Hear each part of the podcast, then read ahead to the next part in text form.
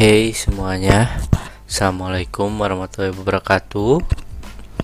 Ya balik lagi bersama saya Akbar Maulana eh, episode 2 pod audio pembelajaran eh, masih bagi yang belum tahu audio pembelajaran adalah audio berupa materi-materi pembelajaran yang saya pelajari selama kuliah eh dan ini udah ada episode 2 episode pertamanya sudah ada di YouTube. Di podcast podcast Akbar eh, channel YouTube-nya. Cari saja di sana. Hmm, sekarang episode kedua eh, karena jauh sekali dengan episode pertama jadi saya akan membuat beberapa hal-hal yang saya pelajari dulu eh, selama dua kuliah perkuliahan dan mungkin akan menjadi terpotong-potong karena ya tidak akan utuh karena sesuai dengan apa yang saya dapat selama berkuliahan. Mungkin nanti setelah saya lulus ya mungkin nanti akan saya perbaiki. Tidak akan kayak jadi nanti saya akan membuat satu pembelajaran utuh tapi sekarang saya akan membuat pembelajaran berdasarkan topik-topik dari satu pembelajaran gitu. Dan berkaitan dengan mata kuliah yang kemarin eh, kita berda kemarin kan kita sudah belajar mengenai psikolinguistik dan penyuntingan naskah ya. Sekarang kita belajar tentang sosiolinguistik seharusnya cuman saya catatannya hilang. Nggak nanti mungkin uh, belajar sosiolinguistiknya. Sekarang kita belajar mengenai hmm, morfologi uh, nah kita mulai dengan morfologi dulu ya. Nah jadi dalam sistem tata bahasa di Indonesia jadi ada dua makna yaitu makna leksikal makna yang belum proses gama, gramatik sama makna gramatik yang me, melalui proses gramatikal gitu. Jadi uh, dalam makna gramatik itu ada satuan ada gramatikal. Nah dalam dalam uh, satuan apa itu uh, proses gramatik proses gramatik adalah proses di mana uh, ada ada ada ini ada, ada duplikasi fiksasi kalimatisasi pemaju pemajukan itu adalah proses uh, saya saya takut salah ya mungkin nanti saya akan tanya lagi. Saya akan akan lagi tapi uh, catatannya adalah leksikal itu sebenarnya ada juga yang mengatakan leksikal makna leksikal itu makna yang kamus tapi sebenarnya tidak juga karena leksikal itu tidak tepat kalau disebut deng dengan makna kamus uh,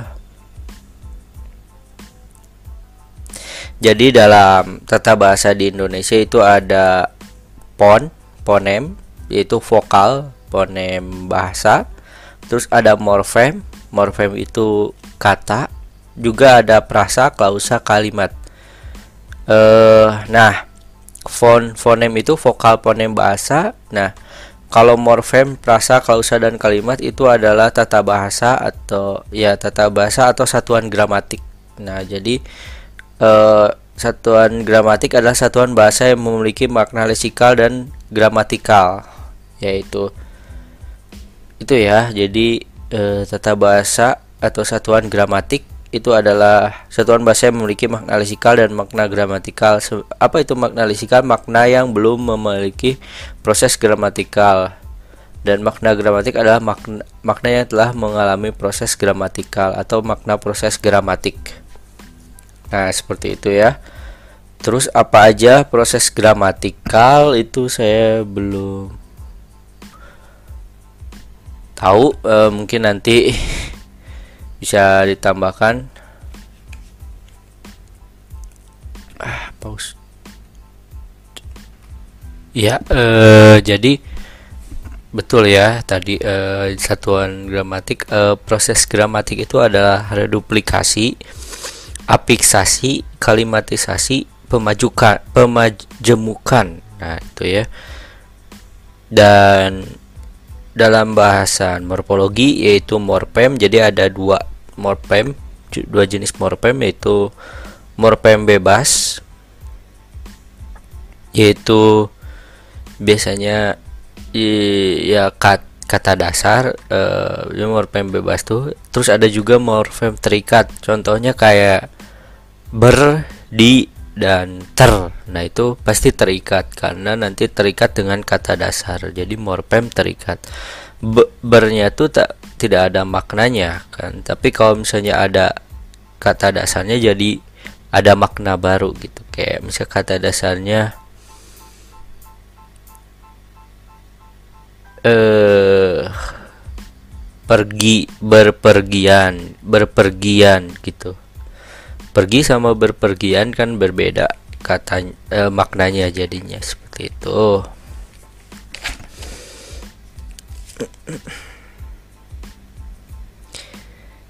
jadi eh, morfem itu adalah satuan bahasa terkecil yang sudah memiliki makna Morfem adalah gabungan kata dengan morfem terikat. Itu mungkin ya, saya juga masih. Tapi morfem adalah satuan bahasa terkecil yang sudah memiliki makna. Sementara kata adalah satuan bahasa yang memiliki makna lesikal dan gramatikal. Morfem adalah satuan bahasa terkecil yang sudah memiliki makna. Nah, sekata perbedaan morfem dengan kata ya. Nah, jadi Perbedaan morfem dengan kata adalah morfem itu satuan bahasa terkecil yang sudah memiliki makna, sementara kata satuan bahasa yang memiliki makna lesikal dan gramatikal. Seperti itu ya. Itu yang kemarin saya pelajari mengenai uh, morfologi. Nanti akan dibahas juga sebagai uh, dasar ya. Ada nanti kita belajar mengenai imbuhan. Berdasarkan letak itu ada apix ada apiksasi uh, apix yaitu uh, imbuhan uh, yaitu di awalan disebutnya prefix terus sisipan infix terus akhiran sufix terus gabungan awalan dan akhiran konfix nah itu nah itu untuk uh, morfologi Selanjutnya kita belajar sosiolinguistik. Uh, sosiolinguistik itu membahas tentang apa? Pertama tentang fungsi bahasa, hmm, hakikat linguistik ya hakikat bahasa, uh, hakikat linguistik, hakikat bahasa, ciri bahasa. Sosiolinguistik dan sosiologi bahasa itu adalah awal mulanya jadi ada sosiolinguistik dan ada sosiologi bahasa. Bedanya adalah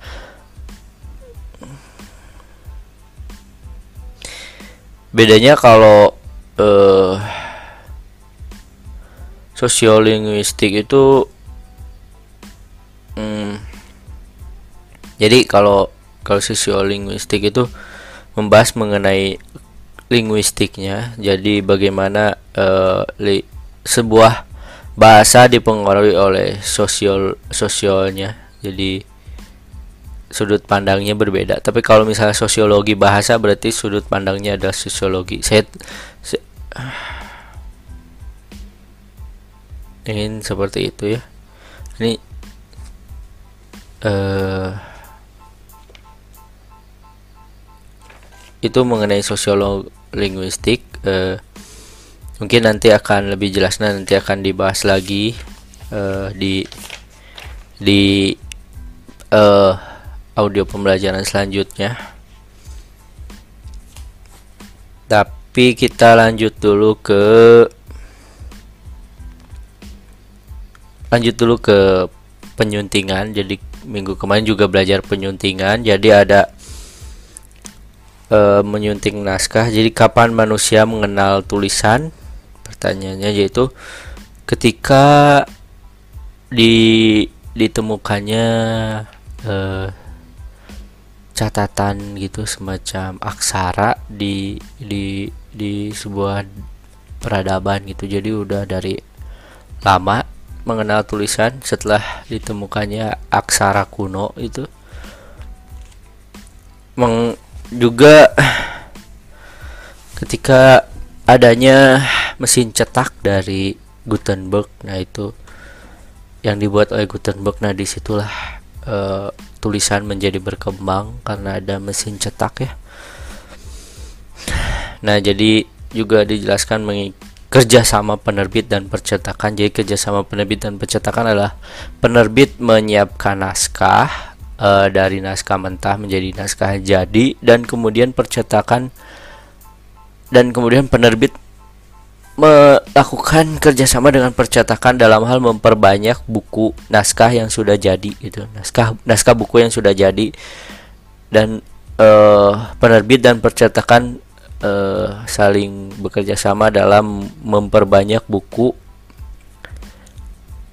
Uh, jadi penerbit bekerja sama dengan percetakan dalam memperbanyak buku dan agar memperbanyak buku namun tidak mengurangi, kualitas uh, percetakannya tersebut. Nah, di situ jadi kerjasamanya. Dan proses uh, editing itu ada empat, jadi ada perencanaan editing jadi kita harus merencanakan kapan memulai editing apa aja yang perlu dipersiapkan dan kemudian memulai editing misalnya memulai dengan editing uh, tidak ini tidak. Terus dengan editing mekanik bisa mengenai tentang tata bahasa tata letak dan sebagainya yang perlu ditandai gitu. Kemudian baca pertama artinya proofreader jadi setelah melalui editing dibaca pertama kali jadi sebelum itu membaca pertama kali. Dan prosesnya adalah dari penulis kemudian ada naskah terus naskah dari editor. Setelah diperiksa terus ada rapat redaksi. Kalau misalnya tidak dikembalikan kepada penulis naskah tersebut. Dan kalau misalnya diterima oleh rapat redaksi maka akan diproses di bagian editorial di bagian editor gitu. Itu adalah proses uh, uh, sebuah buku dari awal naskah dari penulis sampai menjadi sebuah buku gitu. Dalam menulis itu dalam melakukan editing itu ada baca ada editing ringan. Biasanya kesalahan penulisannya yang yang ringan terus ada juga yang sedang. Biasanya kesalahan penulisannya yang sedang. Mungkin juga juga mungkin berkaitan dengan uh, isi buku yang lebih rumit daripada yang ringan. Mungkin ada bahasa ilmiah yang harus dipelajari dulu. Terus yang berat adalah naskah terjemahan. Biasanya itu adalah editing berat. Nah itu biasanya. Dan biasanya uh, seorang editing itu didampingi oleh satu uh, oleh beberapa beberapa buku wajib. Nah, pertama adalah Thesaurus bahasa Indonesia. Bagi yang belum tahu Thesaurus itu adalah uh, persamaan makna. Jadi kamus yang berkaitan dengan kata lain dari sebuah kata gitu. Nah, itu Thesaurus Indonesia. Aduh, maaf. Uh, terus ada KUBI itu adalah Kamus Umum Bahasa Indonesia tapi sudah jarang digunakan. Biasanya langsung KBBI Kamus Besar Bahasa Indonesia. Terus ada juga TBBI Tata Bahasa bah, Tata Bah Tata Baku Bahasa Indonesia biasanya soal uh, terus ada juga buku Gaya Selingkung itu berkaitan dengan bagaimana bentuk buku dan berbagai mekanisme pencatatan atau uh, pengaturan tulisan.